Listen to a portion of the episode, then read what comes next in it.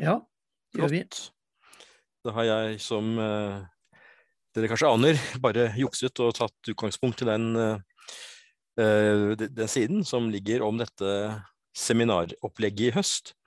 Og jeg syns det er veldig interessant at dere valgte dette som første tema, og i det hele tatt som et tema. Eh, og eh, jeg tenker at jeg kommer til å si ganske mye her nå sånn fra mitt perspektiv, og forhåpentligvis ikke bare mitt perspektiv, men et litt bredere perspektiv, også litt forskningsbasert. Eh, men jeg vil veldig gjerne høre hva det er dere tenker om dette, hvordan vi kan møte denne type tenkning. Hva vi bør si, ikke bør si. Er det noe av det jeg sier som høres feil ut? Hva lot jeg være å si som jeg burde sagt, osv.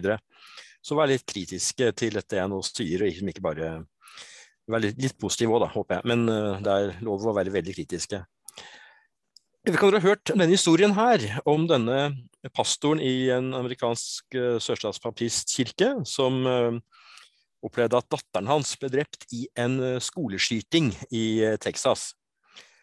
Og det som da er det interessante, er at og det tragiske er at han plutselig begynte å få telefoner fra en rekke personer som uh, mente at det hele var en bløff. Altså at skoleskytinger generelt i USA var arrangert av myndighetene, og at han slett ikke var noen datter som var uh, drept. Og de, de, møtte da opp utenfor uh, kirken og skrev på en sånn kirkeplakat 'Sannheten skal sette dere fri'. Og så gikk han bort, denne Frank Pomeroy, pastoren, og ble da møtt av en tirade fra en av disse som var der, som i tillegg filmet hele arrangementet. Og prøvde å provosere pastoren til å eh, si noe gærent eller gjøre noe gærent, dytte han eller noe et eller annet. Eh, han fortsatte denne Ussery å skrike og hyle og dytte og holde på selv, og, og veldig sjikanerende atferd. Uh, og han uh, forlangte å få se fødselsattesten til hans 14 år gamle datter som var blitt drept, og han nektet for at dette hadde skjedd. Og han drev i tillegg en nettside, en liten organisasjon, som reiste rundt og spredde informasjon om denne, alle disse bløffgreiene som han mente skoleskytinger var. Og en rekke sånne veldig tragiske episoder som da ble eh, beskyldt for bare å være juks med skuespillere osv. hovedrollene. Så blir det naturlig nok arrestert. Det satte jo bare mer fyr i konspirasjonsteoriene.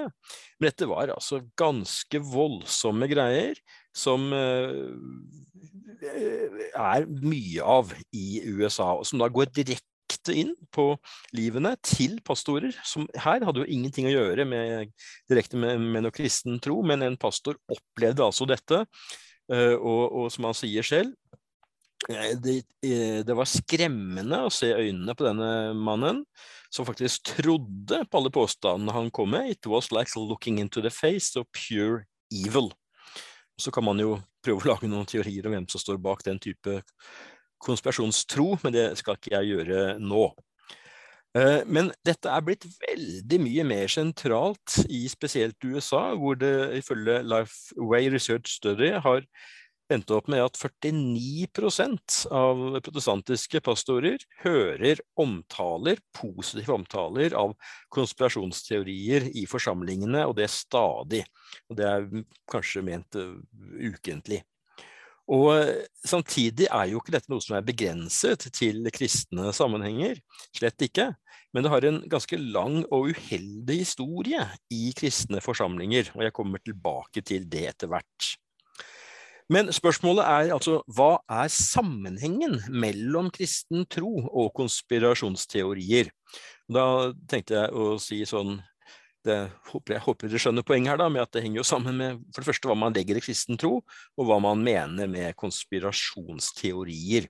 Og det er en utfordring, fordi det er jo ganske stort spekter av kristne uh, bevegelser, grupper, måter å tenke kristen tro. Men det er også ganske mye spekter av måter å tenke om konspirasjonsteorier. Og dessverre så har jo dette iblant kun blitt brukt som en hersketeknikk hvor det er man misliker politisk, eller noe sånt, så bare beskylder man de som er uenige med deg politisk, for å fremme en konspirasjonsteori. Og det, det er jo eh, da, da, blir hele opplegget feil. Men konspirasjonsteorier, det vi snakker om her, det er altså ikke noe som nødvendigvis er feil. Jeg har jo opplevd eh, å møte en del interessante mm, kommentarer når jeg har snakket om eller skrevet om konspirasjonsteori uh, gjennom noen år. Og da da En av feilslutningene eller en av misforståelsene kan være jeg formulerer meg uheldig da, eller dårlig, så, så, det er jo ikke nødvendigvis den som leser etter sin feil. Men det er det at man trodde at, at jeg mener at alle konspirasjonsteorier er per definisjon falske. Eh, og Da følger det selvfølgelig logisk at det ikke fins konspirasjoner. Men det er jo ikke det som er greia her. Konspirasjoner finnes, de er normale, og man må ikke være mindre begavet eller mislykket eller noe sånt for å tro på en konspirasjon. Det er faktisk tvert imot nytt å samarbeide politisk eller på tvers av et kirkelandskap eller noe sånt for å fremme sine interesser.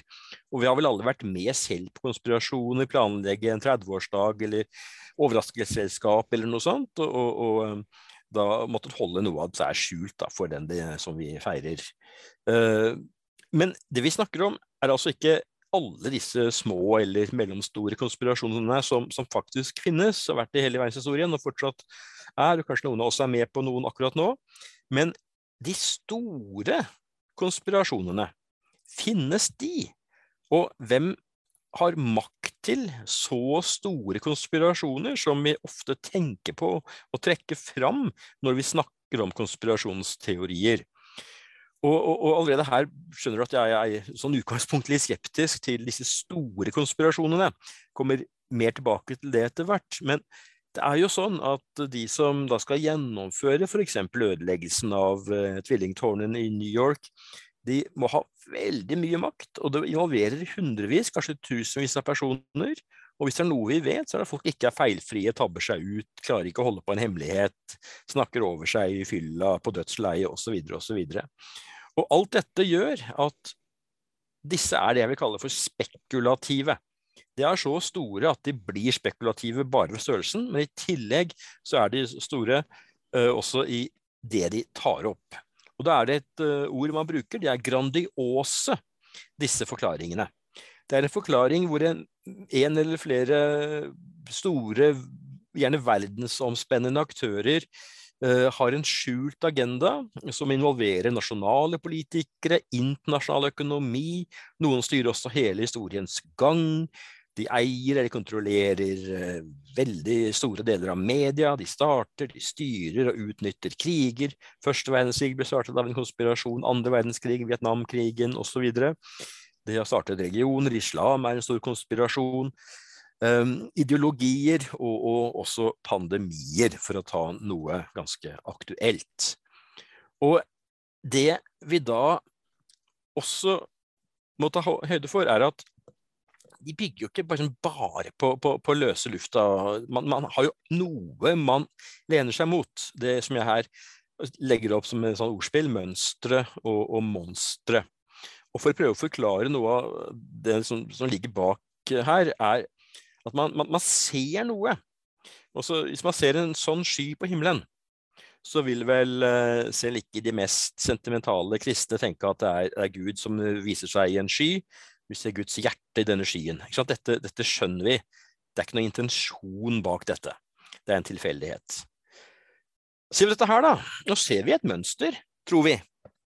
Uh, og noen har selvfølgelig gjort dette for at vi, de skal lure oss og se et mønster. Vi tror vi ser en trekant, men dette er jo ingen trekant. Men det er nesten umulig, eller det er umulig ikke å se en trekant her, selv om det faktisk ikke er en eneste trekant. Uh, men hva når vi ser dette? Hvor kjent er med dette fotografiet fra Mars? Det viser da, som du ser på midten her, et ansikt og det er jo en naturlig konklusjon, dette er et ekte NASA-fotografi, at her har det vært noen og besøkt planeten Mars. For å vise at de har vært der, har de laget en enorm konstruksjon av et menneskeansikt, eller i hvert fall noe som ligner på et menneskeansikt. Dette er flere kilometer stort. Så det er eh, ikke bare en, en, en eh, sånn tilfeldig uh, bitte liten stein, men et enormt monument. Tror man, trodde man. Så begynte man jo å lure hva i all verden, og så tok man flere bilder, og så viste det at dette var, hang sammen med noen veldig spesielle lysforhold. Den halvdelen som er i skygge, vi avslørte når det kom i lyset at dette overhodet ikke var noe symmetrisk uh, uh, bilde av et uh, ansikt. Men det er veldig lett å trekke slutninger ut fra litt begrenset informasjon. Vi ser bare deler av bildet, og vi tenker, hvis vi har litt tro på at det finnes utenomjordiske, som kan ha vært på Mars, at dette må jo være et bevis på det. Så det vi her ser, er at det veldig ofte er, som jeg sa i stad, store ting, mye mønstre vi kan ane, enten det nå er riktig, ekte eller ikke, men vi, vi, vi, intuitivt ser vi disse bildene, mønstrene. Men som sagt, det er mye som må lykkes, og det er slik at de da i tillegg bygger på frykt og fiendebilder. Og denne som nå er til høyre her, i hvert fall mulig jeg dekker over det, eller TV eller bildene også dekker over det på høyre her, men det er altså Sions vises protokoller i en tidlig utgave av den. Uh, hvor også jødene uh, angivelig har uh, der røpet den store sammensvergelsen som de har for å kontrollere verden. Og veldig mye av det vi møter, er svært besnærende inntil man ser nærmere på det. Inntil man går inn på detaljene og begynner å etterprøve.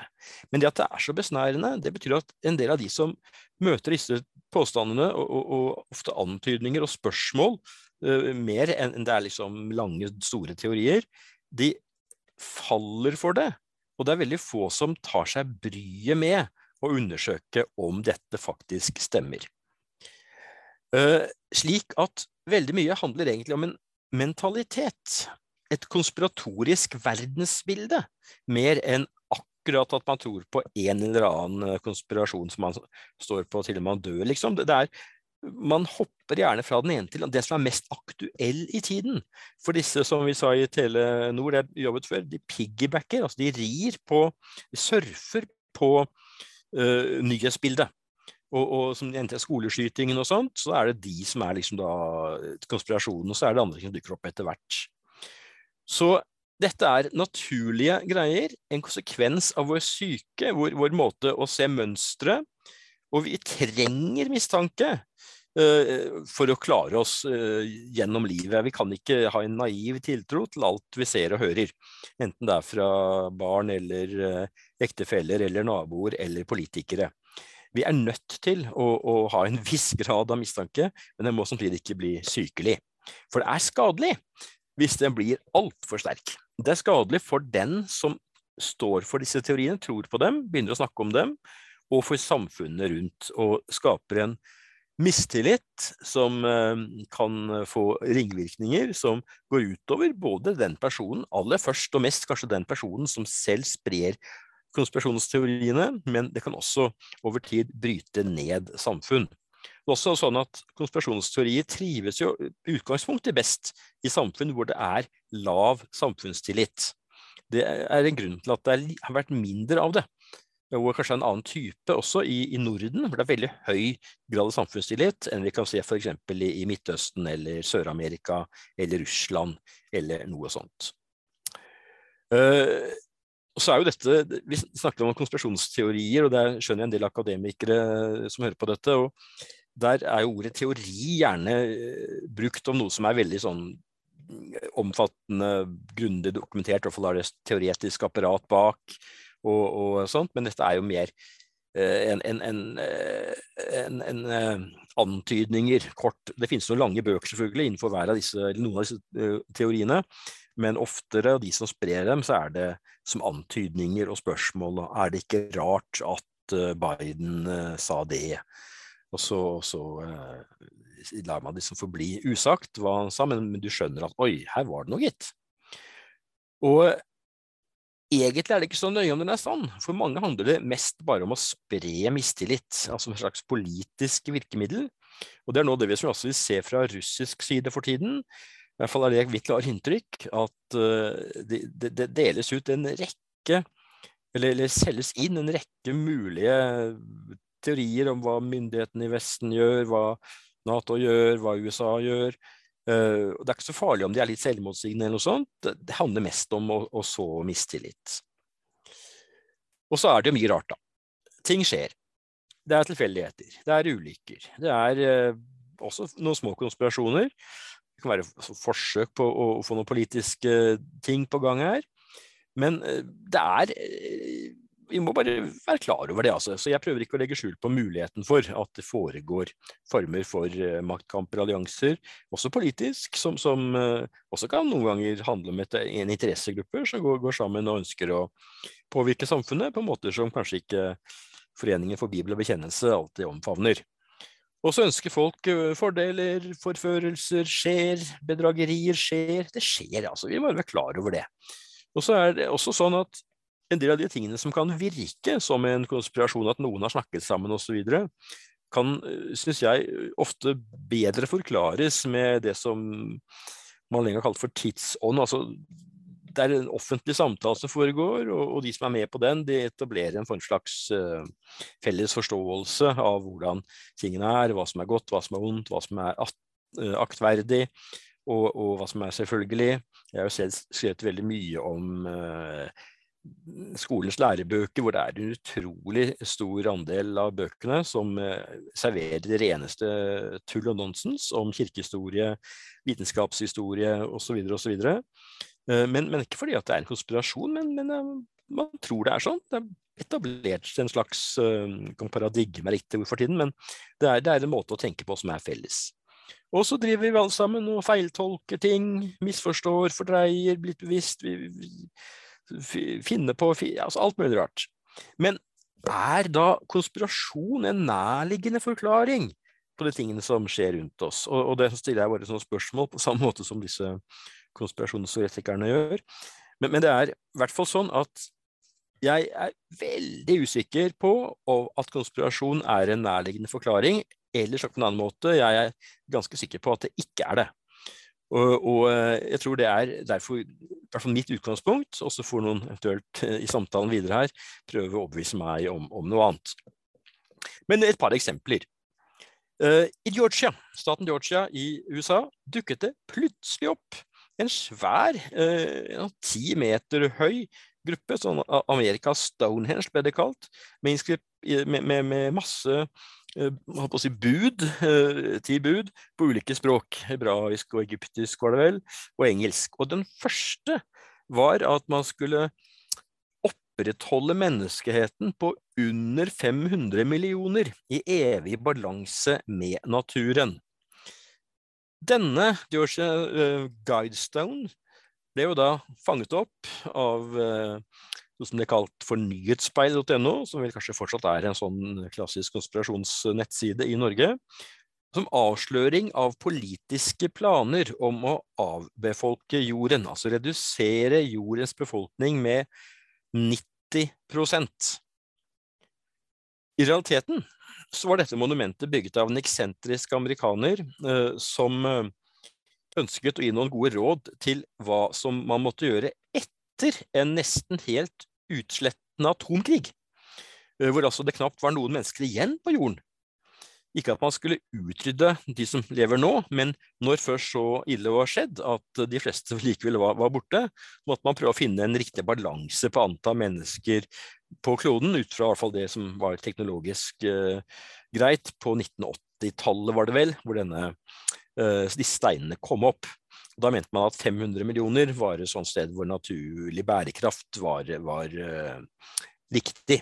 Men dette ble da tatt som et tegn på at det var en stor konspirasjon som var ute etter å avfolke jorden og, og, og ta livet av de fleste av oss. I dag er jo spørsmålet om disse teoriene hva som er de vanligste. Her er et sånt uh, liten ordsky som jeg laget for et par år siden. Uh, og da er det naturlige spørsmålet, vi ser som vaksiner og covid og QAnon og Bill Gates og Twin Towers og Great Reset osv., muslimer og månelandingen og Hva er det som mangler her? Jo, enkelt og greit, alt som kom i år. Ukrainske nazister, Nato-krig, Zelenskyj er jøde og nazist, osv., osv. Så, så dette med konspirasjonsteorier, uansett hvilket miljø de er i, følger nyhetsbildet. Så er det naturlig at uh, i kristne grupper er mer snakk om uh, antikrist og, og, Satan og Israel enn i andre grupper. Men det har blitt en, en veldig sånn sterk og klar uh, konspirasjonsteori nå om hvordan USA og Nato er den primære pådriveren blant den påståtte krigen i Ukraina. Og du finner altså veldig mye sånn ute og, og går nå. Og dette er også noe vi finner i en del kristne grupper, dessverre, sier jeg. Men her er det altså de mest bisarre påstander på steigan.no bl.a. om at man har dressert masseødeleggelsesfugler til å uh, fly inn uh, bomber og annet uh, over Russland. og russiske medier som bedyrer at den ukrainske hæren bruker svart magi. Her ser vi et satanistisk seil da, som er funnet på en forlatt ukrainsk militærbase. Og altså, nå er russisk propaganda og russiske konspirasjonsteorier noe sak for seg, men det dukker opp i forbindelse med aktuelle hendelser i, i verden. Og da er jo spørsmålet hva med kristne og konspirasjonsteorier? Jeg tenkte da å bruke litt tid nå på to typer. Det ene er konspirasjonsteorier om kristne. Det andre er konspirasjonsteorier av kristne. Og nå er jeg ikke definert kristne, jeg definerte jo, forsøkte å definere litt løst konspirasjonsteorier. Uh, med kristne nå så tenker jeg foreløpig ganske bredt, da. Nå skal jeg eventuelt tenke noe smalere et, etter hvert. Men det som er uh, greia, er at hvis man ser på historien, så har det vært ganske mange og ganske alvorlige konspirasjonsteorier om kristne. I Romerriket så er det jo den klassiske under Nero, hvor uh, han fant opportunt å beskylde de kristne for å ha satt fyr på Roma. Det er jo historier fra kirkefedrene, Tertulian og andre, om at kristne uh, skal ha blitt beskyldt for å tilbe et eselhode, kristne var kannibaler, uh, ofret småbarn, drev med pedofili osv. Og, og dette fikk jo ganske dramatiske konsekvenser i form av hvert fall noen av kristenforfølgelsene. Og så kan man jo gå gjennom historien. Jeg skal ikke gjøre det, men vi kan ta en nyere greie, altså Da Vinci-koden til Dan Brown. Jeg vet ikke om noen under 40 eh, har lest den, men eh, den var jo veldig populær for 15 år siden. Og den eh, Altså en superbestselger.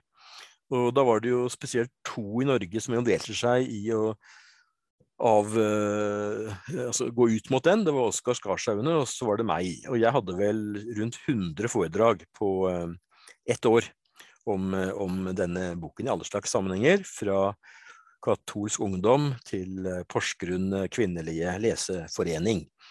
Og dette var fascinerende, fordi at man her fikk opp igjen bestselger en masse påstander om at Bibelen var eh, egentlig etablert på kirkemøtet i Nikea, og man har fjernet av de tekstene som ikke handlet om Jesus som menneske. Jesus giftet seg med Maria Magdalena, fikk barn med henne, og denne uh, slekten hadde eh, kjørt en konspirasjon som hadde styrt historien og kirken gjennom århundrer og involvert mange av de store vitenskapsmennene. Eh, så jeg skrev denne boken Da Vinci dekodet eh, om det. Den er dessverre utsolgt fra forlaget, så jeg har jo markedsført den intenst her i kveld. Eh, men nå har jeg, jeg, jeg jobbet veldig mye, og jeg driver litt med det fortsatt, med å prøve å si noe om disse konspirasjonsteoriene om kristne. Men det er blitt dessverre mer aktuelt å se på konspirasjonsteorier av kristne. Og jeg skal si litt om uh, hva slags teorier jeg tenker på da, og også hvorfor jeg oppfatter det som viktig, og noe om hvordan vi bør gå fram for å motvirke denne type uh, teorier, og også litt uh, om det er mulig å motvirke det. det. Det kan det jo være veldig delte meninger om. Generelt sett så har kristne konspirasjonsteorier ofte skatologiske perspektiver. Det er tre ledd som gjerne går igjen. En eller annen offentlig person er antikrist. Det er skepsis til en eller annen teknologi. Og så er det et eller annet organ uh, som betyr at verdensstaten kommer. Og, og, og dette er selvfølgelig knyttet opp mot, uh, mot åpenbaringen, antikrist, 666 og osv. Veldig mye av dette syns jeg handler om at man på en måte, Jeg skriver bruker her, men jeg burde kanskje skrevet misbruker Bibelens tale om at Jesus vil komme tilbake til å fremme sin egen greie, sin egen sak og egen gruppe. Uh, altså antikrist blir apologetikk. Uh, du ser et eller annet i samtiden, og, og, dette tolker du inn i en fortelling om antikrist. Du viser at uh, den og den Obama eller noen andre er antikrist, og dette bekrefter Bibelen. Se, Bibelen er sann, bli kristen. Og, og, og samme typer perspektiver finner man langt tilbake i tiden mormonerne, Jehovas vitner osv. på 1800-tallet, andre på 1900-tallet. Også bevegelser som eh, ikke på noen tilsvarende måte er i nærheten av noe, noe kristent. Men, men, dette er en sånn eh, besnærende måte å, å, å, lese Bibelen på, fordi at det er en del ganske dramatiske bilder som, som gjør inntrykk på, på tilhørere og, og, og, de som leser dette. Jeg har gått gjennom og sett på hva har kristne fremmet av konspirasjonsteorier de siste 208 år. Og det som da er greia, hvis jeg begynner med 1814, så er det jo det store, skumle konspirasjonen man mente jesuittene sto for. De som da skulle komme tilbake til Norge, gjøre Norge igjen katolsk, så det ble selvfølgelig forbudt adgang til riket. På 1920-tallet så spredde enkelte kristne, ikke så mange heldigvis, men enkelte spredde da denne Sions vises protokoller om hvordan jødene uh, var i ferd med å ta en, en uh, dramatisk styring, eller hadde det for så vidt en stund, og, og verdenshistorien var nå i ferd med å bli sendt dit hvor jødene skulle virkelig stå fram som de som hadde all makt. Og uh, det skjedde jo altfor mye tragiske ting til at så mange trodde på det 25 år senere. Men i 1956 ble det igjen diskutert om jesuittene skulle få lov til å få adgang til riket. Uh, altså 150 år omtrent etter Eidsvoll så var det noen som da advarte i 1956 mot en katolsk innflytelse i Norge. Og ikke bare katolsk, men altså men spesifikt da fra jesuittene, som var så flinke filosofer og retorikere at man kanskje var redd for at de skulle ta luven av Indremisjonen, eller hvem det var som sto eh, for denne skepsisen. Blant annet var det jo en del KrF-representanter. Så har vi EU 1972 det er tryggest å si nei, eh, for det EU var dyr i åpenbaringen. Og, og, i Brussel var det en datamaskin som het Dyret, og dette var jo klart bevis på at her hadde vi å gjøre med Antikrist som trakk i trådene, og ikke minst Roma-traktaten viste jo at dette var Babylon, den store skjøgen. Så kom en ganske voldsom bok i 1984. Jeg vet ikke om dere har lest den, jeg har den rett ved siden her, jeg glemte å ta den fram her nå, men kan hente den i pausen hvis det er interesse. Det nye pengesystemet, og når, når dine penger blir verdiløse, som to bøker med ca. et års mellomrom. Og disse eh, bøkene, når dine penger blir verdiløse, de la veldig vekt på den skumle teknologien som nå var her. Ikke minst disse her strekkodene som kom. Det var jo 666-symbolet, og avslørte jo det, eh, Antikrist store plan om at eh, ingen kunne kjøpe eller selge uten å bruke disse strekkodene. altså var eh, vi nær eh, den siste tid. Og eh, det var viktig for kristne å komme seg ut på, på landet, si opp lån osv. Ikke si opp lån, men betale ned gjeld, kjøpe gull og hva man nå ga til råd her. Så På 90-tallet så var det satanismepanikken. Store satanistiske grupper som regjerte i, i Norge mange i Bergen av en eller annen grunn. Jeg håper ikke det er så mange bergensere her, så kunne jeg sagt noe om det. Men det er i hvert fall veldig uh, mange som gikk på dette, fra ulike grupper, også feministbevegelser. Eva Lundgren og andre som uh, hadde sett det ene og det andre av uh, rituelle ofringer og begravelser av barn og sånt, pedofiliringer. Så i 93 kom jo da daværende pave til Norge, og da var det en adventistaktivist som laget en svær sak ut av det, og delte ut den traktaten der som uh, fra 1993, som da gikk stort sett de fleste av postkassene i landet. Så var det vaksiner, så var det uh, yt, uh, yt altså, årstusenskiftet, hvor man fryktet at datasystemene ville bryte sammen. Så kom ja, Spyship altså chips, og kom veldig, veldig mye med barnevern, Bill Gates osv. osv. I 2020 og 2021 var det QAnon. Nå er kanskje det skjult bak her, men det er noe strømregime som er det store nå. Og dette er rett og slett veldig interessant å følge utviklingen. Det har vært, som jeg var inne på i stad, tre elementer. Antikrist, et eller annet teknologisk greie ofte. Og, og uh, dette med at det er en verdensstat. Og det har gått igjen uh, hele veien. Jeg får ofte spørsmålet om hva er den morsomste konspirasjonsteorien? Jeg vil bare ta litt om det før jeg går videre. Og jeg blir spurt av NRK og, og, VG og Vårt Land kanskje til og med iblant, i hvert fall for noen år siden. Og da sier jeg at jeg er ikke så opptatt av det. Jeg syns at dette er et for alvorlig tema, hvor altså spesielt kristne har i tusen år drevet med, med konspirasjoner som har gått fryktelig ut over andre. Mot, mot jøder, mot hekser, mot uh, jøder igjen, da.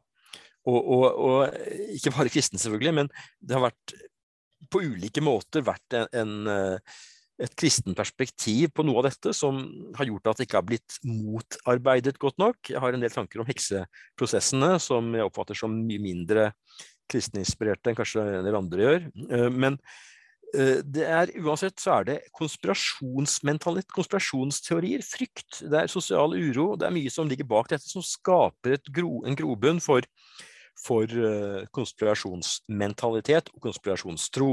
Og i nyere tid, hvor Anders Behring Breivik kalte seg for kristen, det oppfattet jeg som rent uh, instrumentelt. Han hadde ikke snev av noen forståelse av kristen tenkning eller teologi i det manifestet sitt, som jeg leste dagen, altså jeg leste det på 23. juli. Uh, og, og, og, skrev en lang artikkel om det. Uh, men dette er, er noe som, som han lente seg mot en kristen tro. Og, og vi ser mye sånt så, som dessverre er, er på fremmarsj. Uh, jeg skal ikke si så mye mer om det. Uh, men så tenkte jeg å holde på et par minutter til før vi tar pause. Hvis ikke det er en ønske om å bare fortsette.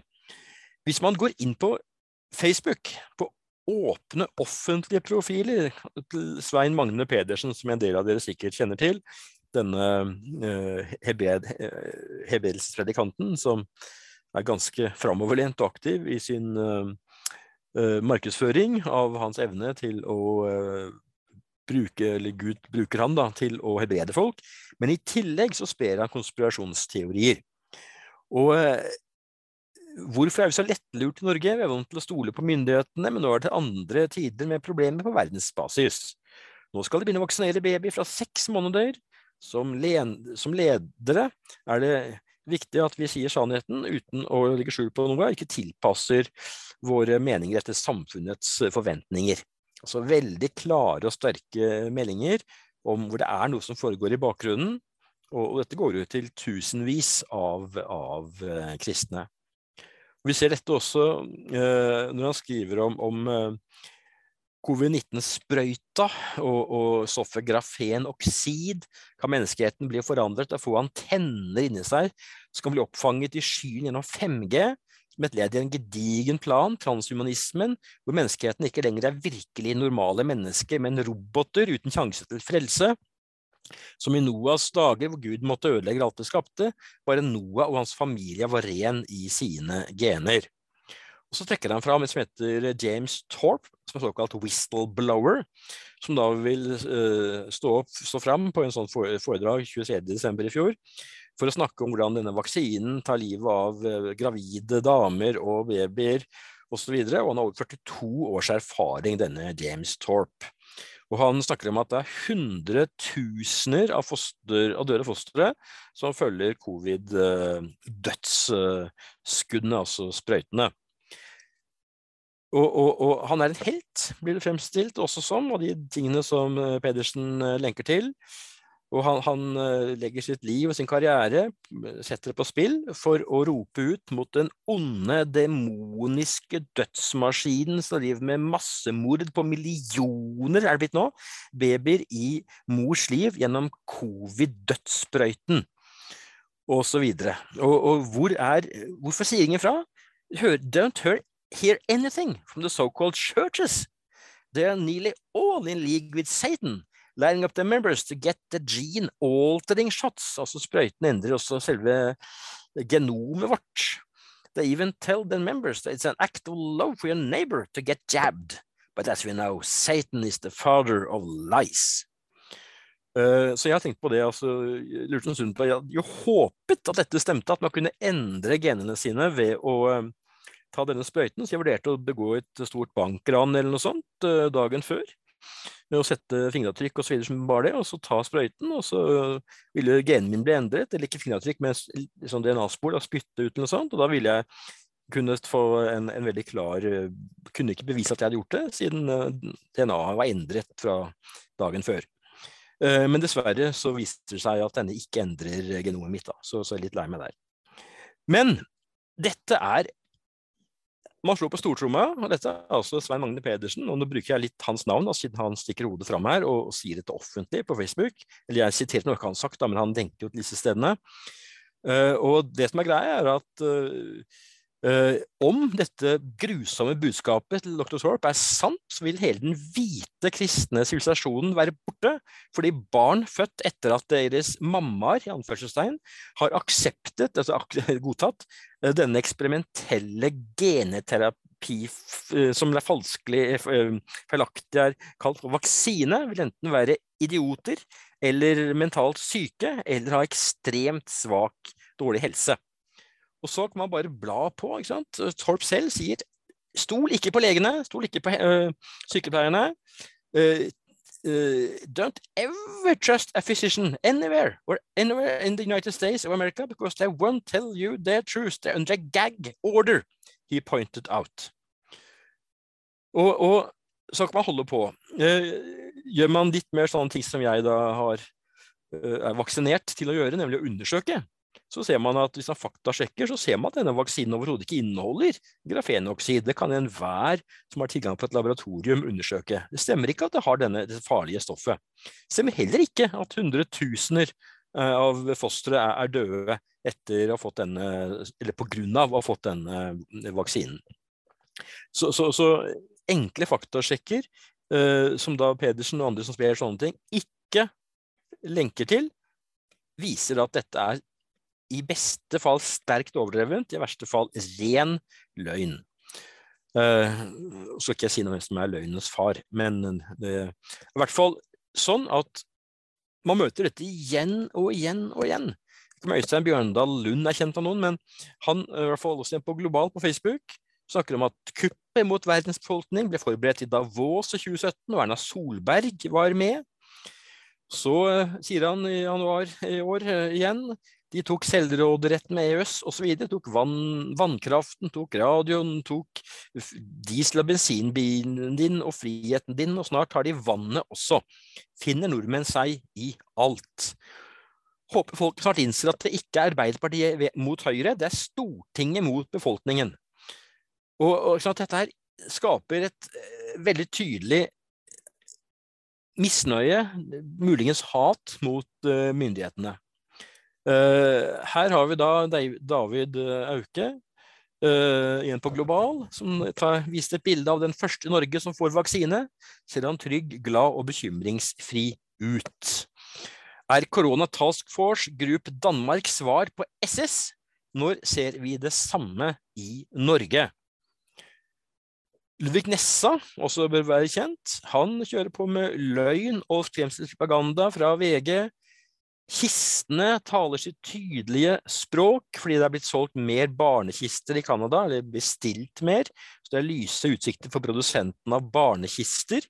Jeg undersøkte den saken der òg, og hadde Nessa gjort dette, han delte det for to-tre uker siden bare, så hadde han sett at det kom av at under koronaen så var det folk var ikke ute og reiste lenger. Folk holdt seg hjemme. Veldig få ulykker, veldig få uhell, veldig få barn som druknet, f.eks. Og, og dermed så var det lite behov for barnekister i et par år. Men når folk begynte å komme i gang igjen, samfunnet tok seg opp igjen, så var det plutselig eh, et økt behov da, på en sånn 5-10% flere barnekister enn før. Men for Nessa og andre så er det blitt til at dette er et bevis på at disse vaksinene er livsfarlige, og at barn drepes i tusenvis. Og at regjeringen Solberg ville, derfor vil de hemmeligstemple alle offentlige dokumenter som avslørte dette. Og nå er det jo strømmen, da. Strømkrisen har ingenting med krigen i Ukraina å gjøre. Den skyldes derimot dumme politikere og onde kraftprodusenter. Uh, og, og, og, jeg tror de driver og manipulerer oss. Nei, jeg tror ikke det. Så dere ser det, men svaret er jeg tror ikke det. De fortalte oss på TV at de manipulerte oss. Men igjen, tidligere i dag, for et par timer siden, de kan, hvis ikke annet enn å lyve, remember what they said and the lies they told. Dette er altså dagsaktuelle ting fra eh, kjente, jeg vet ikke hvor, hvor, hvor mye påvirkning Ludvig Nesse har lenger, men han og Auke og Pedersen og en rekke andre kristne med en viss Uh, liksom ordet tilhengerskare treffer her. Men i hvert fall, dessverre, altså jeg, jeg, blir lei meg når jeg ser sånt, fordi at dette er folk som jeg uh, har hatt, uh, i hvert fall Nesse hadde jeg en periode litt respekt for. Men, men uh, dette, dette, er blitt veldig over stokk og stein. Og, og dessverre står det ikke alene. Ok, da tror jeg vi skal ta en pause der, så kan vi la dette synke inn. så håper jeg, altså Det er ikke meningen å svartmale og baksnakke noen, altså, men når de legger ut på full offentlighet på egne Facebook-profiler, så uh, må det være lov å dele det. Ja, tusen takk. Uh, jeg avsluttet før pausen med å si, liksom, prøve å være litt, aktuell her med å vise eksempler på hvordan dette her uh, har bredd seg på, hos noen. Uh, av det jeg oppfatter som, som, kristne. Mulig jeg tar litt feil på noen av dem. Men i hvert fall så er dette med konspirasjonsmentalitet noe som man finner flere steder. Men, uh, og vi har litt av det alle sammen, egentlig. Og som jeg sa helt innledningsvis, så er dette med å, å, tro litt på sammensvergelser noe som har en verdi. fordi da blir vi ikke så lett lurt i, i arbeidslivet, næringslivet, på, på andre områder. Men de store konspirasjonsteoriene de finner vi mest uh, utbredt blant folk som en, føler seg på en politisk taperside, har lav sosial status, dårlig økonomi, kanskje ikke så høy utdannelse. Men det er ikke entydig, disse forskningsresultatene. opplevd et utenforskap som kan ha veldig mange varianter. Alt fra at man ikke liksom, har noen venner, til at de vennene man har, ikke liksom får respekten man mener de fortjener i et uh, samfunn. Uh, og så frykter man mektige fiendegrupper, og, og, gjerne svartmaler de man er uh, redd for, eller begynner å bli redd for.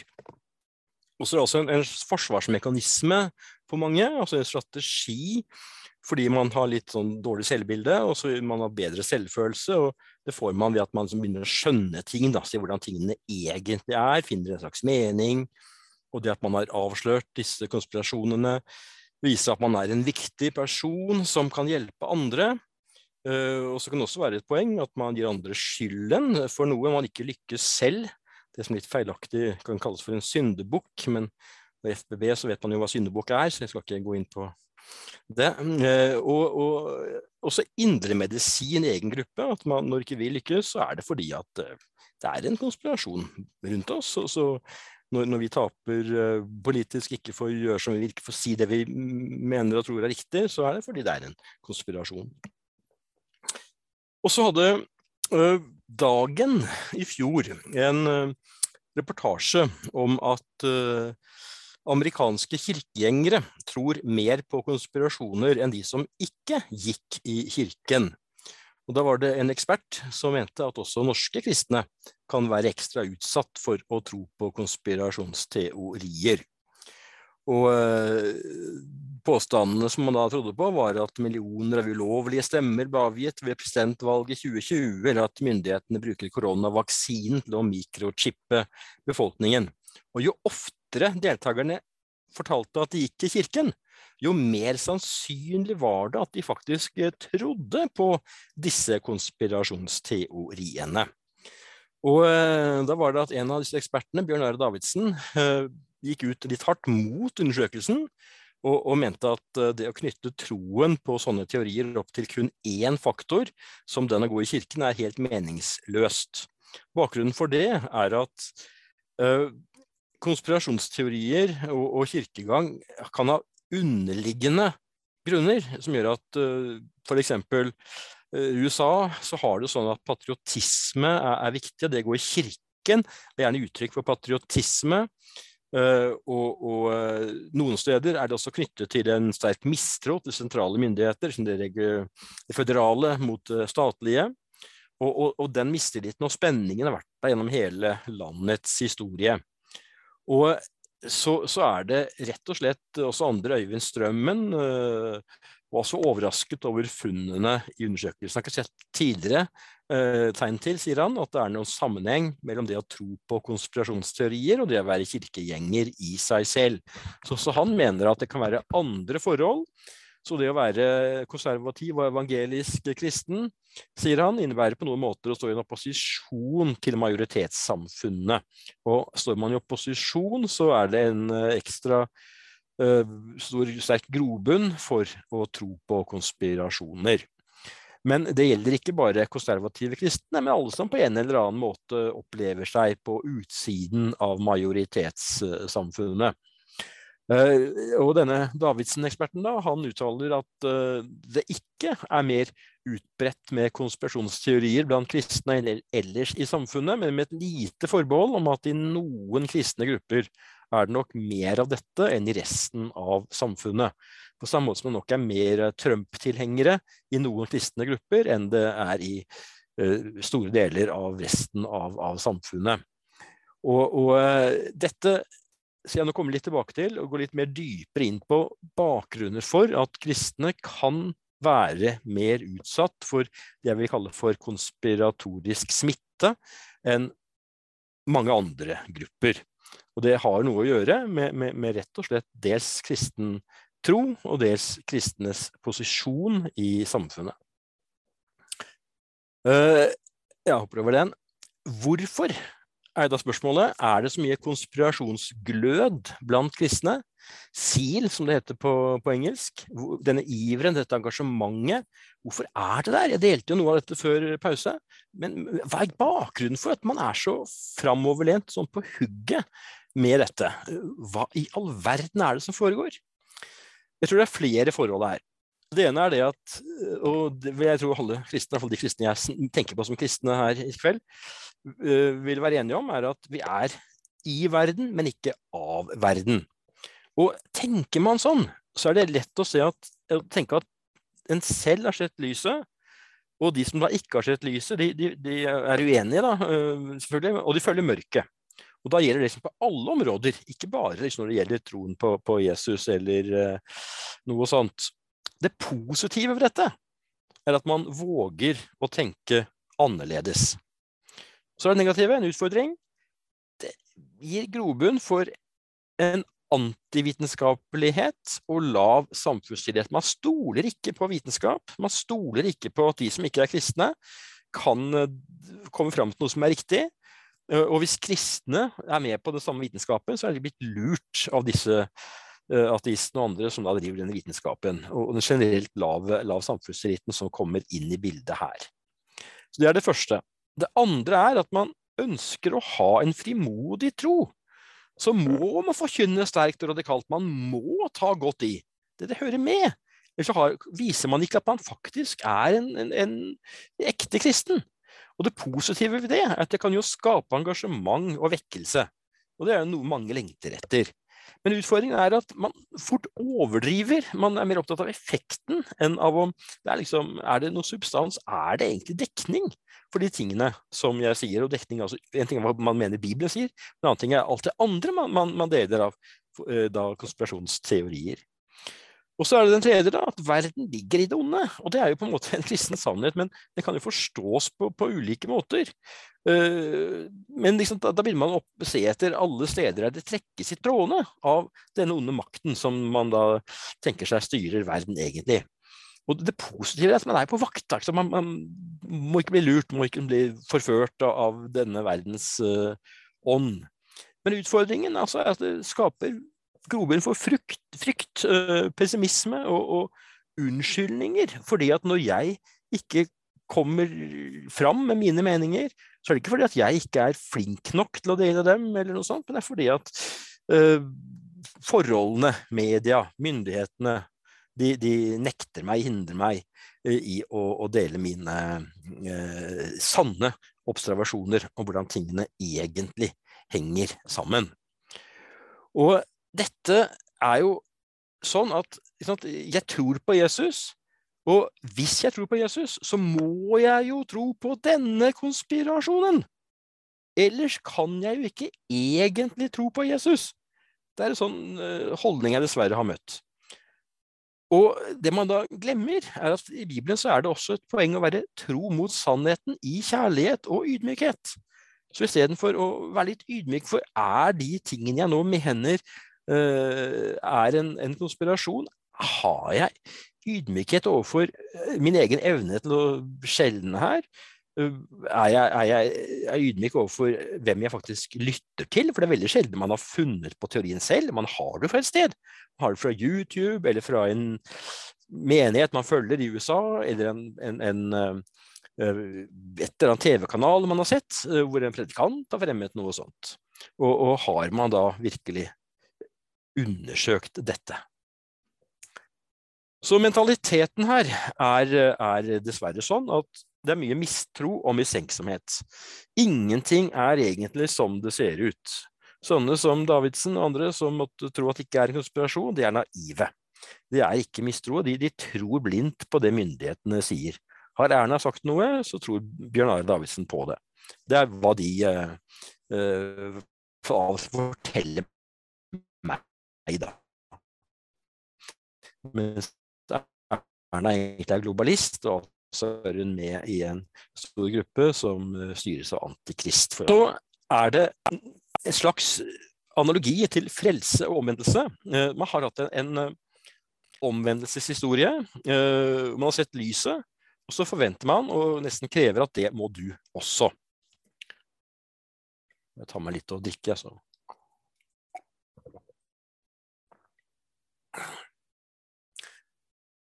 Så for kristne så er det jo sånn at det er ulike nivåer av, av hvordan man oppfatter verden. Nivå én er at verden styres av ufullkomne mennesker. Kristne og andre, vi er alle sammen sliter. Vi, vi har motiver og, og behov og, og, begjær. Og dette gjør at, at, det er greit med demokrati, egentlig. Så ingen som slipper til og får for mye makt. Og det er, sånn vil det være. Så, så, så vær forsiktig. Men så tar man litt i, og blir et sånt uh, litt mer eskalert nivå. Verden styres av noen som ikke har sett lyset. Altså, de har ikke skjønt tingene, og da er de i mørket, og da fører de vill. Så tar noen ekstra i. Verden styres av noen ikke bare som ikke har sett lyset, men noen som nå aktivt vil det onde. De vil ondt. Og da er det jo skikkelig, skikkelig skummelt å være en del av en sånn verden. Hvordan skal vi opptre da? Og nivå fire, verden styres direkte av Antikrist. Hva skal vi da gjøre når vi møter ting som krav om vaksiner, krav om munnbind, påstander om, om uh, hva som skjer i, i, i, verden, i Russland, hva vi skal stemme på, strømkrisen osv. osv. Her er det så, så, disse nivåene her, hvilket nivå man befinner seg på, sånn mentalt innenfor, og teologisk innenfor kristen sammenheng, det vil påvirke hvor lett eh, du eh, aksepterer konspirasjonsteorier. Og uansett hvilket nivå man befinner seg på, så vil overskriftene i media bli lest i lys av det.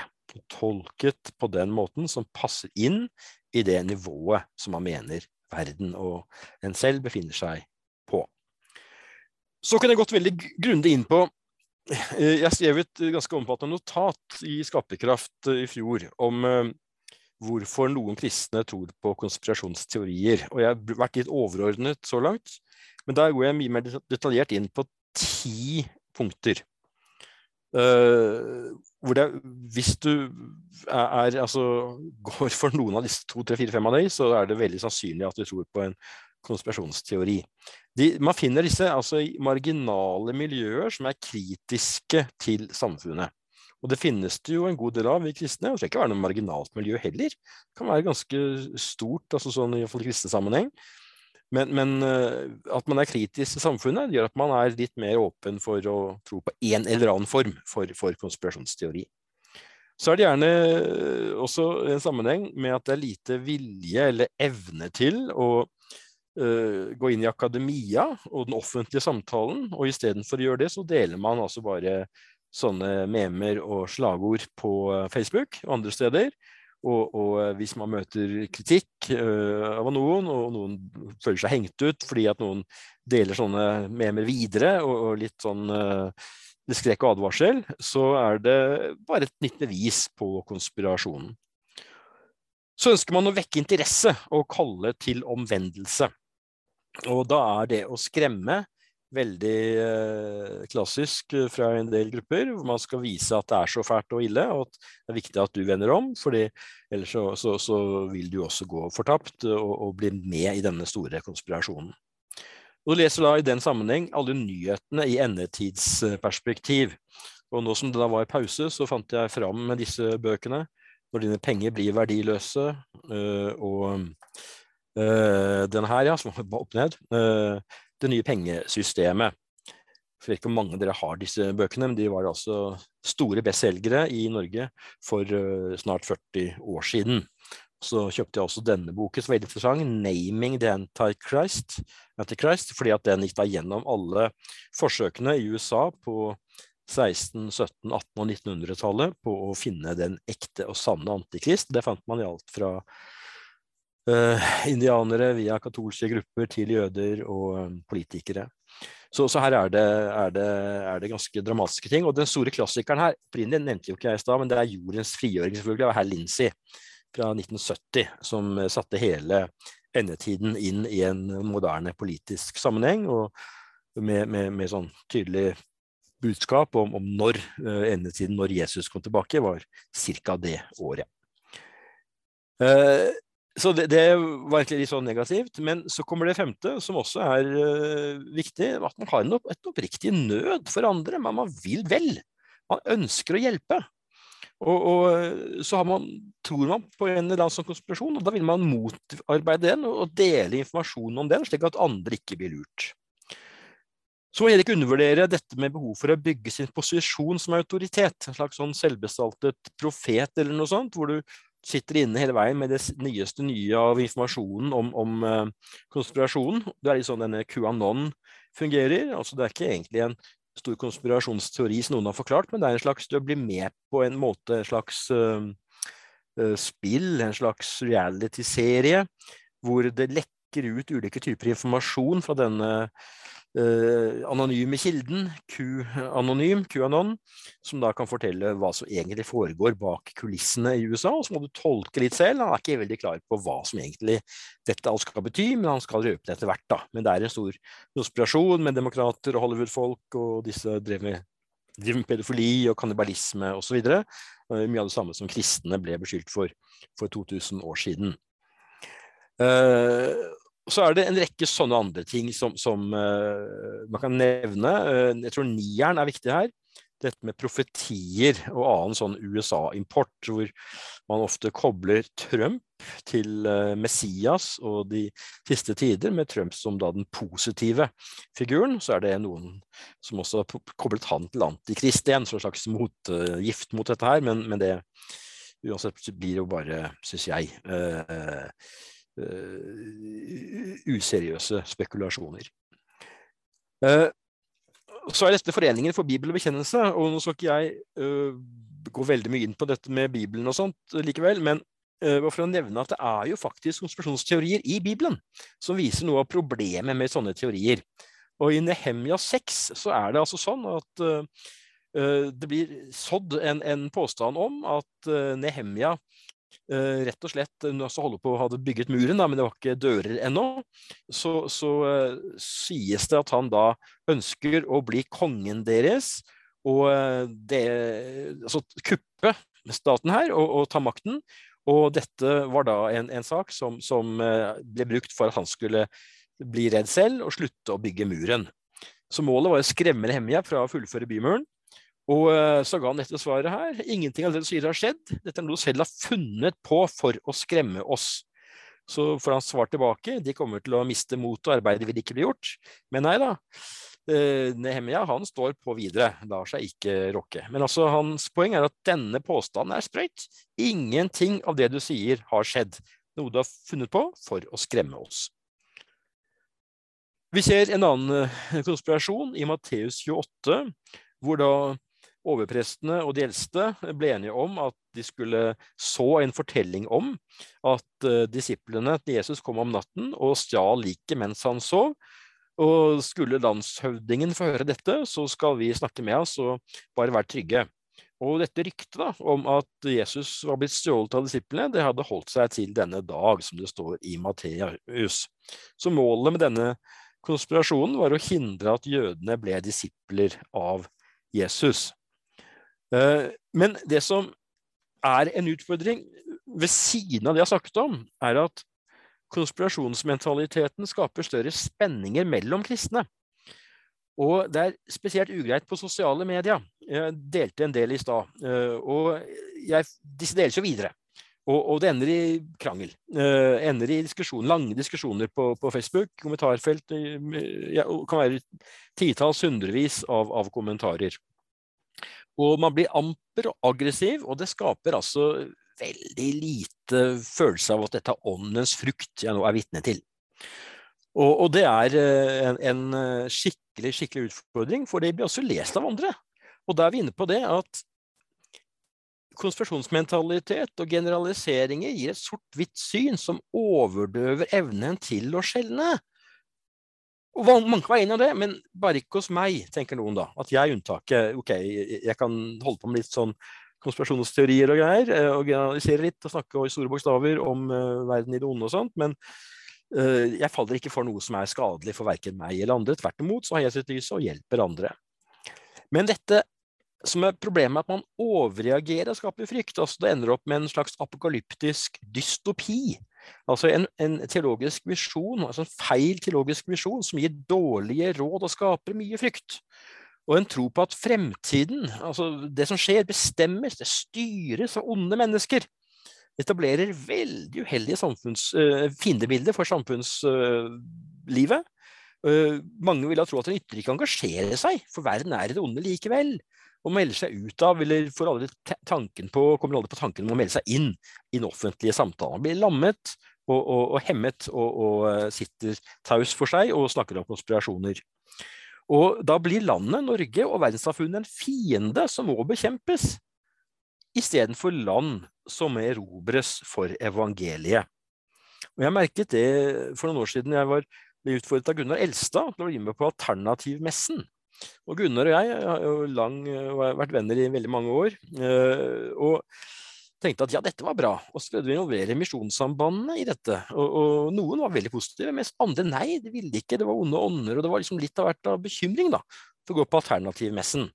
Så gikk vi opp ut der og stilte opp for Lunde forlag. og det var så positivt. Vi hadde forbønn, og vi hadde litt av hvert som satte en stol, og folk ble, ville bli bedt for, og vi fikk veldig mange gode samtaler, og fikk solgt litteratur. Og, men det bildet av dette som farlig og fiende, framfor noe som ero, skal erobres for evangeliet, det hindrer oss fra å formidle budskapet. Og det stjeler fokus. Det har alltid vært konspirasjonsteorier og konspirasjoner, og alltid vært ledere som vil ondt og ønsker mer makt, men vi er ikke kalt til å leve i frykt. Vi er kalt til å prøve, etterprøve alt, til å skjelne. Og glød uten substans som holder, kan gjøre mye skade.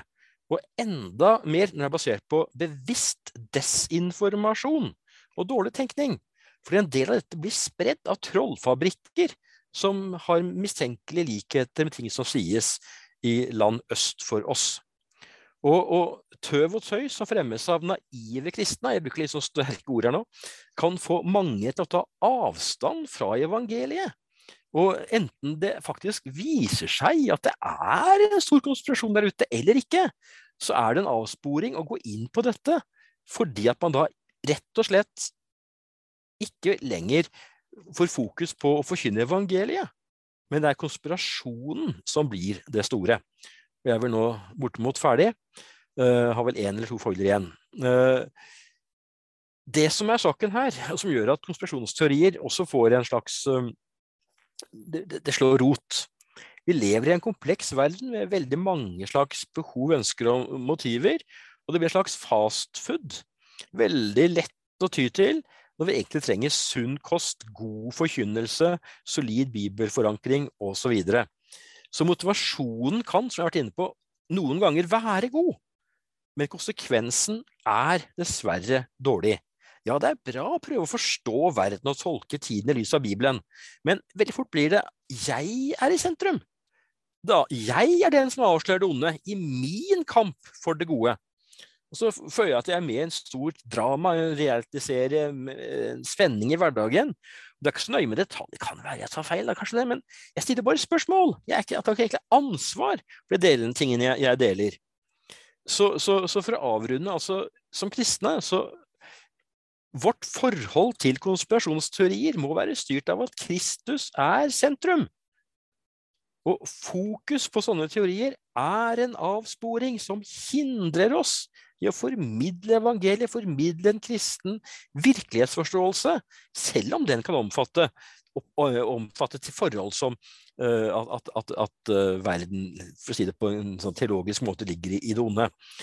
Så, så, så, så, jeg prøver ikke å nedtone det, men det må ikke bli liksom der vår store, store fokus og engasjement og energi ligger. Ok, da tror jeg jeg har snakket lenger enn jeg kanskje burde, men som du skjønner, kunne jeg snakket enda mye mer. Men jeg, jeg avslutter der. Jeg, også. jeg er veldig nysgjerrig på hva dere tenker om måten jeg har lagt dette fram på. Sa jeg noe fryktelig dumt, eller bare litt dumt? Var det noe jeg glemte eller burde sagt, som jeg ikke eh, hadde sagt? Er det andre ting som burde, sagt, burde vært snakket om? Så, så uh, yes, da, da eh, Kjempeflott, uh, Bjørn Are, for, for, en veldig uh, omfattende innledning. Men uh, jeg syns du har truffet veldig godt. Så um, og, og, den første da som skal ut og si litt grann, Jeg vet ikke om du kommer til å stille spørsmål eller kommentere enkeltheter. Basim Gullord, kan du få ordet først? Ja, hei. Så flott. Um, veldig fint å få være med på.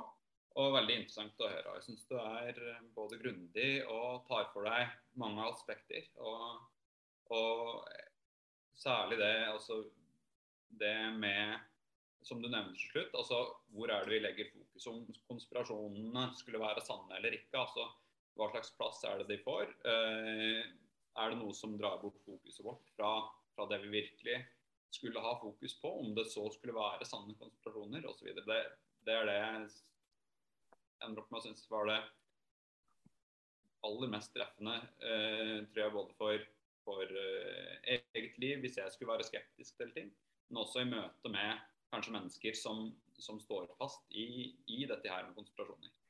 Eh, jeg har uh, et par spørsmål jeg har skrevet ned, og litt sånn som jeg har tenkt på underveis. Uh, og, og, egentlig i forkant av det òg. Og det, det, er kanskje litt knytta til det her med samfunnsdebatten som har vært rundt konspirasjoner. Du snakka litt helt i begynnelsen om det. Hvordan er det vi møter de som, som, eh, som er i dette, som, som, setter sin lit til konspirasjoner og ser konspirasjoner kanskje i alt, eller har et konspiratorisk verdensbilde. Um, og det jeg først tenkte litt på, eh, som er et spørsmål om, det er altså Hvor er det grensa er mellom det å kunne plassere noen som en konspirasjonsteoretiker, eh, kontra det å være skeptisk til noe? Altså, eh, vil man tenke at man er konspiratorisk hvis man er skeptisk til f.eks. det myndighetene eh, fremlegger om en gitt hendelse, eller om, om større andre eh, ting også? Eller, eller, er det noe som, som man kan ha som sunn fornuft da, på et eller annet vis? Jeg Skal jeg svare på ett og ett spørsmål, eller? Skal jeg svare på alle spørsmål til sist, eller skal jeg ta ett og ett? Hva tenker du? Ja, jeg, jeg, tenker at du kanskje kan ta ett og ett spørsmål. For er, eh, jeg tror det blir enklere for oss å følge. Eh, hvis ja. det er greit for, eh, for Basim, er det greit for deg at vi gjør det på den måten? Ja, veldig, veldig, veldig fint. Og jeg har også flere spørsmål, men, men om det er ønskelig at andre slipper til eh, først, så er det helt fint. Nei, men, men jeg, jeg, tenker at du, du, tar dine spørsmål først. Du er bedt om å ha en respons, og eh, du tar spørsmålet, men da tar vi spørsmål én nå, og så svarer Bjørn Are. Og så går du videre til spørsmål to, osv. Ja. Ja, jeg tenker at eh, nei, det er veldig greit og bra om man er kritisk til myndigheter, som, til påstander som kommer fram. Det er jo det som altså Den offentlige samtalen uh, har behov for stor takhøyde. og Jeg sa ikke så mye om det i starten, da, men jeg jobber jo i Skaperkraft, og vi er en gruppe der med til dels veldig ulike meninger på noen områder. Og, men vi, felles for oss er at vi, vi ønsker å ha en takhøyde i debatten og uh, ønsker å hjelpe kristne til å våge seg ut i, i, uh, i krigen, for å bruke det ordet. Og, og, og, da er det rett og slett sånn at vi tenker at hvis du er uenig med noe som myndighetene påstår, så si fra. Men, men, men hvis det er sånn at du alltid er uenig, hele veien, mistror alt som blir sagt, da begynner det å bli farlig. Uh, og så er spørsmålet hva er det du tror du sier om det som egentlig skjer? Én ting er som å si at uh, Støre er, uh, tar feil i, sånn som jeg stadig sier, da, i diagnosen på strømkrisen. Uh, og, og, at her er det andre forhold på, på kraftbransjen som uh, ligger bak det som har skjedd, osv. osv. Uh, det er én ting, uh, mens jeg har sagt at Støre er kjøpt og betalt av Bildenberger-gruppen for å lure oss til å bli gjeldsslaver eh, av noe som er styrt av Illuminatus eh, og, og Vatikanet, eh, så, så klart at da er det noe helt annet. Så, så det, dette går på rett og slett hva er det som uh, vær kritisk til, og, og hvor veld, er det veldig mye, er det alt mulig? Eller uh, klarer jeg å skjelne på en måte som gjør at jeg ikke bare er kontrær? Mm. Jeg synes var en veldig grei respons. Det er litt de tingene der jeg tenker på. Jeg syns at ofte i samfunnsdebatten så, så, blir det veldig polarisert om man er skeptisk til om, om myndigheter f.eks. eller andre formidler eh, sannheten. Eller eh, ja. Eh, samtidig som det å skulle lage teorier ut av alt, at sånn må det være basert på tynn luft, det, det, det setter jo et helt annet lys på det hele. på en måte. Det, den, den forskjellen, den, den syns jeg er ganske stor. da, og, og noe som er, er, er, viktig i møte med dette. Eh, noe annet jeg har, har, tenkt litt på, altså, eh, det er det her med mange som kanskje står for eh, at det finnes sammensvergelser eller konspirasjoner på større basis. De, de, kan fort bli marginalisert i, i, samfunnet på et eller annet vis. Og det vil kanskje videre underbygge det konspirasjonsnarrativet de står i. Eh, og har du noen tanker om det, om hvordan å peke en annen vei? Eh, jeg har kanskje også en tanke om at eh, mange av disse kanskje ikke føler seg ordentlig møtt i, i møte med de tankene og eh, forestillingene de har av eh, saken. At det, eh, de kanskje har argumenter som, som, de føler er tyngre enn det det er, muligens, men, men som samtidig ikke blir ordentlig møtt eller svart på. Altså Hvordan kan man veilede mennesker som står i dette, og, og peke en fornuftig vei, samtidig som man ikke støter bort. da, ja, Det er eh, et ganske omfattende spørsmål. Eller spørsmålet er ikke så stort, men svaret kan fort bli omfattende. Det har vært gjort en del undersøkelser på hva som skal til for å endre synet på Altså ikke til å slutte å tro på en konspirasjonsteori som man faktisk tror på. Og det skal veldig mye til. Dette er eh, nesten som å være på misjonsmarken. Og eh, det er handler både om altså, Det ser seg litt prestisje i ting. Uh, uansett hvor mye detaljer du måtte komme med som uh, viser at dette, andre forklaringer er bedre, eller at noen av de tingene som du bygget din konspirasjonstro på, rakner, så, så, sitter du liksom litt fast der psykologisk, og, og, du sliter. Hvis ikke samtalen foregår på en måte som er full av varme og, og oppfattet som kjærlighet og, og vennskap osv. Og, så og respekt. Uh, ellers så blir det bare sånn skyttergraver, og, og uh, man kaster bare ting frem og tilbake og tror ikke på de dataene man får servert som skal liksom avsløre at dette ikke er en konspirasjonsteori. Og jeg tror at kristne, pastorer, prester og andre har en oppgave her i å være forbilder på den måten at man ikke deler konspirasjonsteorier eh, selv, eh, har en fokus på, på, Jesus og på Bibelen framfor frykt for, for samtalen, nei, for samtalen, for samtiden. Eh, og at man er rett og slett et godt forbilde på nettet. Deler kun det man vet, ikke trekker masse usynlige linjer. Viser at det finnes flere perspektiver, osv. Og, og rett og slett kanskje også kan formidle noe om, om tankefeil. Altså hvordan er Stemmer dette her eh, Logikken i dette? Eh, er det, er det noe ting med, med, bias, hva det nå heter på norsk, som er, er eh, altså forutinntatte, osv. Altså, det er mange forhold man kan legge vekt på. da. Uh, og når jeg har snakket med folk om konspirasjonsteori Jeg hadde en periode jeg nevnte i stad, jeg hadde 100 foredrag om Da Vinci-koden. Og det var jo på veldig mange forskjellige serier. Jeg var i Lillehammer, jeg het Porsgrunn, og var oppe i på, ja, Sørreisa og, og, Stavanger og Bergen og det ene til det andre alle steder jeg var, var jeg nøye med å presentere en konspirasjonsteori om det stedet.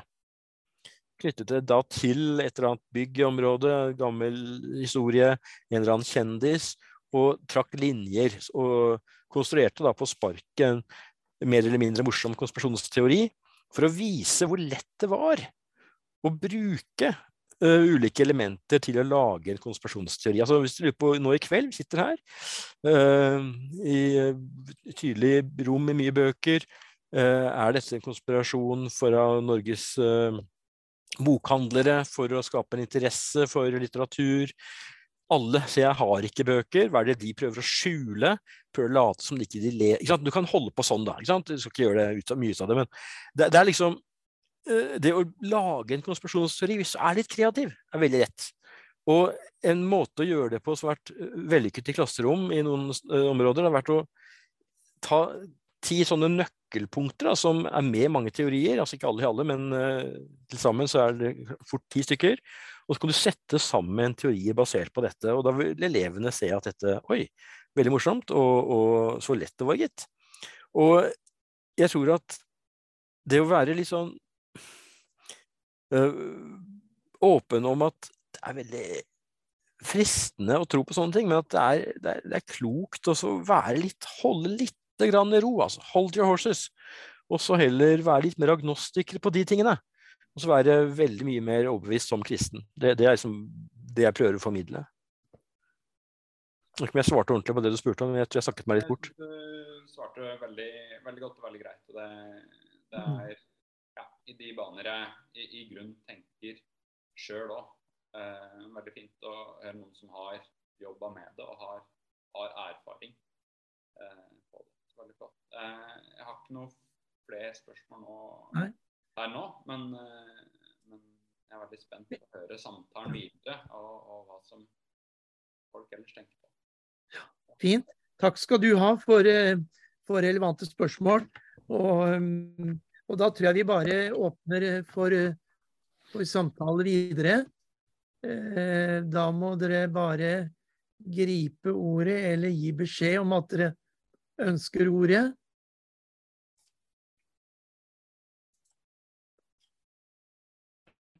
Det ville forundre meg om eh,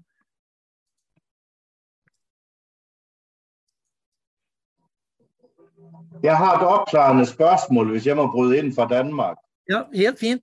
Vær så god. Jeg har skrevet det i en chat uh, til deg også, uh, Bjørn.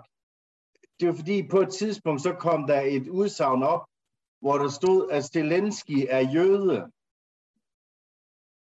Så vidt jeg er desorientert, så er han jøde. Ja, og jeg har svart også uh, på det på chatten. Men, men ja, hva i all verden har det med saken å gjøre, at han er jøde?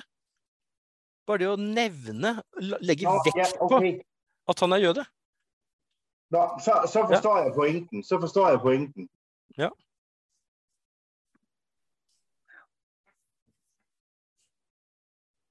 Fint. Eh, er det flere, så bare grip ordet. Knut Alsvåg. Eh, takk for fint foredrag. Eh, jeg syns du fikk med mange vesentlige poenger. Og jeg syns også du, du sluttet eh, på en veldig konstruktiv måte i, eh, i dette med nødvendigheten av å fokusere et annet sted. Men eh, det var et, du spurte om vi savnet noe i foredraget ditt. Eh, og da kunne jeg tenke meg å utfordre deg til å si noe om én ting som jeg syntes du kanskje kunne ha sagt mer om.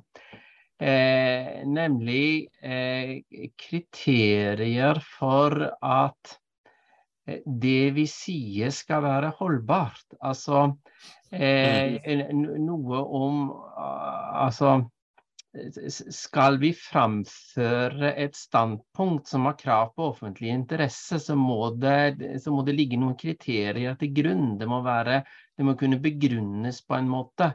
Altså, eh, en må kunne vise til, til kilder og, og eh, altså eh, nå, Min bakgrunn for å si noe om det er at jeg underviser studenter i vitenskapsteori. Og, og, da, og, da, er det litt interessant å ta de inn i denne problemstillingen og spørre hva som er forskjell på, på, på vitenskap og fake news, og, og, invitere de litt inn i en, en, diskusjon om, om betydningen av åpenhet og begrunnbarhet for at påstander skal kunne eh, simpelthen gjelde som relevante. Eh, eh, det sa du lite om, kunne du si litt mer om det? Ja, som du vet da, så er det et ganske stort tema, og det vil jo variere avhengig av hva man snakker om. Hvis jeg f.eks. sier at jeg tror Bodø-Glimt vinner ligaen i år, Eliteserien i år, så vil det være lite sannsynlig at de gjør det, men det kan jo være argumenter som kan tilsi at de gjør det likevel. Det er mye mer sannsynlig at Molde gjør det. Sier jeg at uh, Molde vant i fjor, så eh, vil det kunne være grunnlag for å eh, etterprøve det, og da må man gå inn og se på hvilke data har vi for å si noe om det. Og Da vil jo det dataen vi har tilsi at det ikke var Molde som vant i fjor.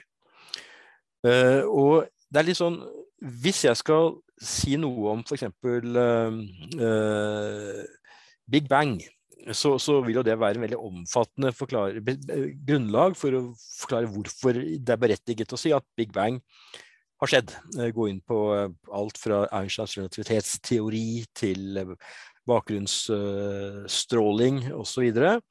Og uh, vise at alternative teorier ikke forklarer like mye like godt. Og så kan man lande på at dette da er en, en beste forklaring. Og så kan man spørre om er det relevant da, å begynne å snakke om Big Bang. Og det er jo, ja, det er relevant hvis det er slik at Big Bang har en betydning for f.eks. et gudsargument, kalam-argumentet f.eks., eller for spørsmålet om hvor er det vi kommer fra? Hva var før Big Bang? Eller er alt som har skjedd, bare en ren fysisk, naturlig prosess som ble satt i gang av, på en uforklarlig måte gjennom Big Bang, slik at alt vi gjør og sier, f.eks. i kveld, når jeg vifter med armene sånn, så er det Big Bang som er skylden. Jeg har skylden for det. Uh, når det kommer til konspirasjonsteorier og sånne, eller altså, jeg vet ikke hva på er relevant, men altså, hvis man skal gå inn i en samfunnsdebatt, så kan det være relevant å, å, å, å rekke opp hånden og si fra om noe hvis man mener at det som blir lagt fram som et forslag til en lov, f.eks. en ny abortlov.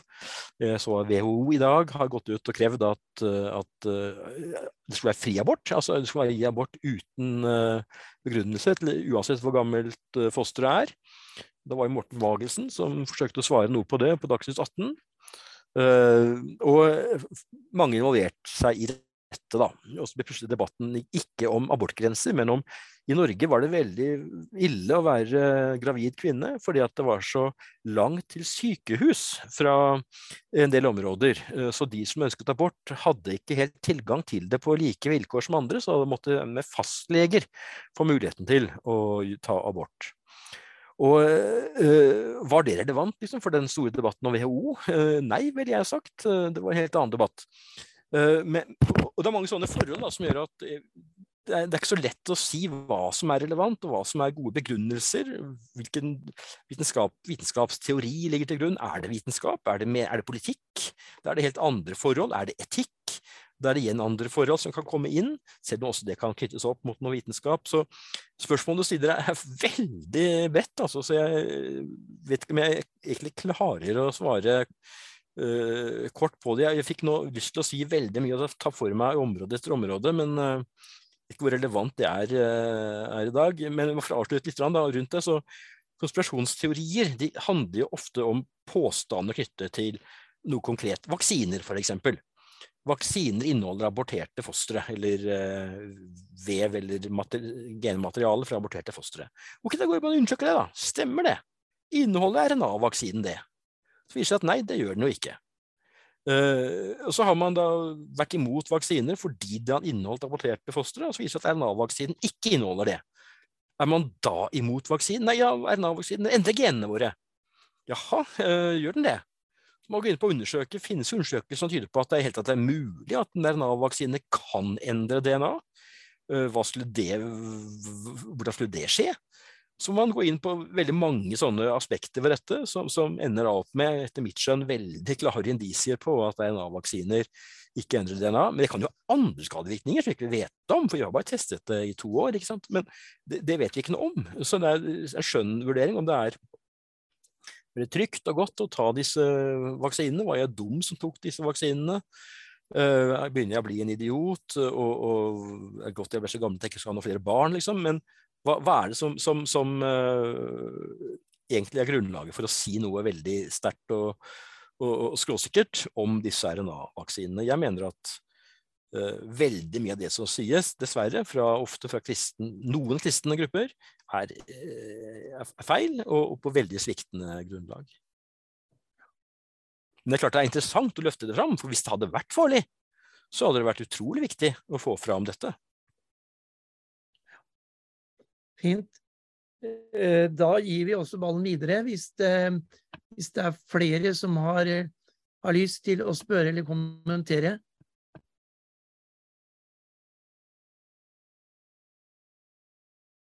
Ja, ja jeg har en, et spørsmål eller en kommentar. Jeg er litt forkjølet, så derfor unnskyld, unnskyld meg litt. Deg først, Henning. Henning Alsaker, som bor på Storslett i Nordreisa. Stemmer. Ja. Eh, takk for et veldig eh, lærerikt eh, foredrag, eh, Bjørn Are.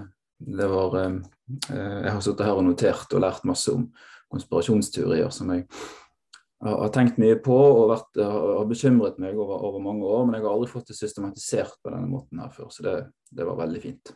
Takk for det. Um, jeg kom til å tenke på noe.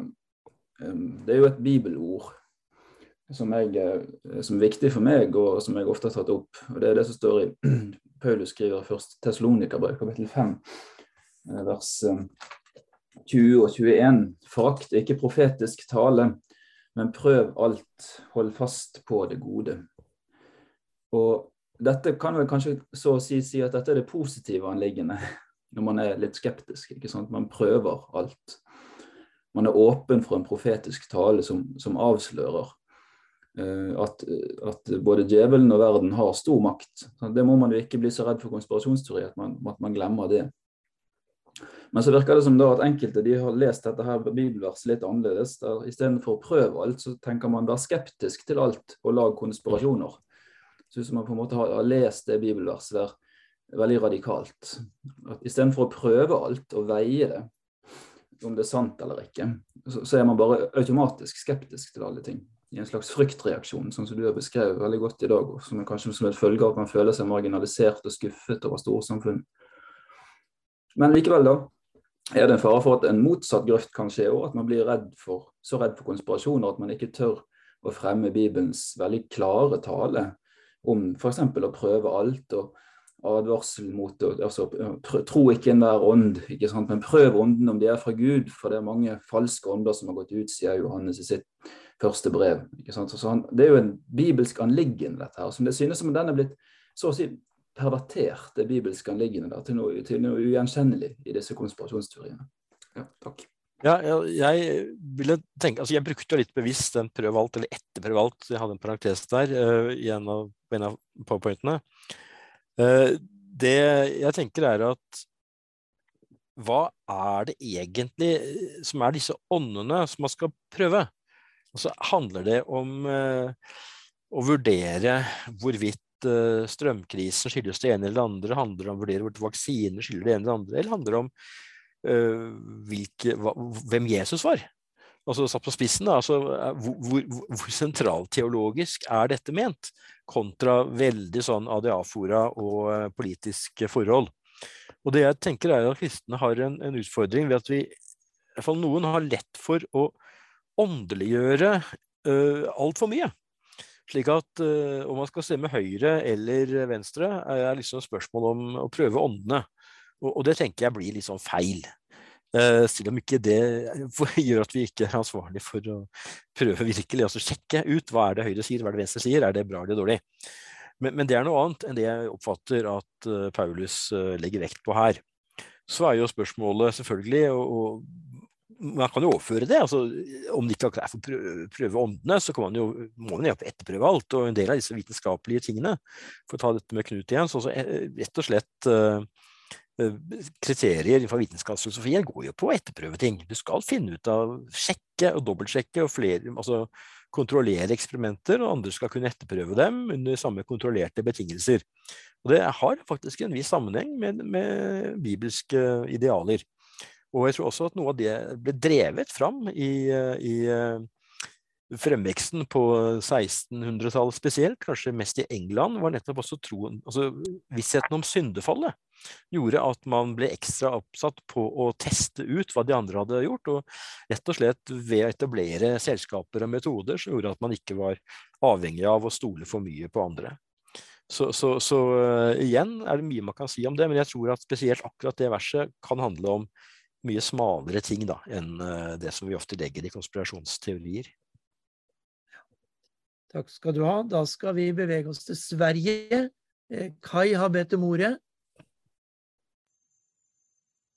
Takk, takk Bjørn, for et godt, godt foredrag. Jeg tenkte, det fins et par andre skäl til hvorfor man lett fastnar i konspirationer. Og det er dövhet og demens som gjør at man kan fastne i tanker og virkelighetsoppfatning. Hva sier du om det? Ja, altså hvis jeg først skal tolke deg konkret, uh, også, så vil jeg jo tro at uh, er man litt tunghørt eller ikke helt uh, god i Altså litt fast og, og, glemsk i hodet, så er det klart at det vil jo påvirke veldig mye.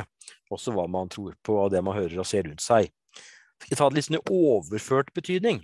At du ikke lytter godt nok til det som foregår rundt deg. Altså du ikke er sånn framoverlent og setter deg inn i ting og ikke helt følger liksom normal logikk eh, og gjør masse tankefeil, kort, logiske kortslutninger, Uh, generaliserer på, på, på, tynt grunnlag og sånt, så vil også det kunne bidra til at man eh, faller for uh, konspirasjonsteorier.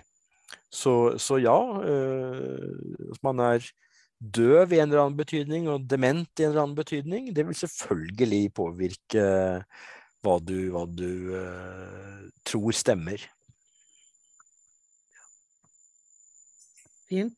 Da eh, har ikke jeg sett noen flere eh, som har bedt om ordet, men det kan godt være at det er noen som vil ha, ha ordet allikevel. Så vi har ennå litt grann tid.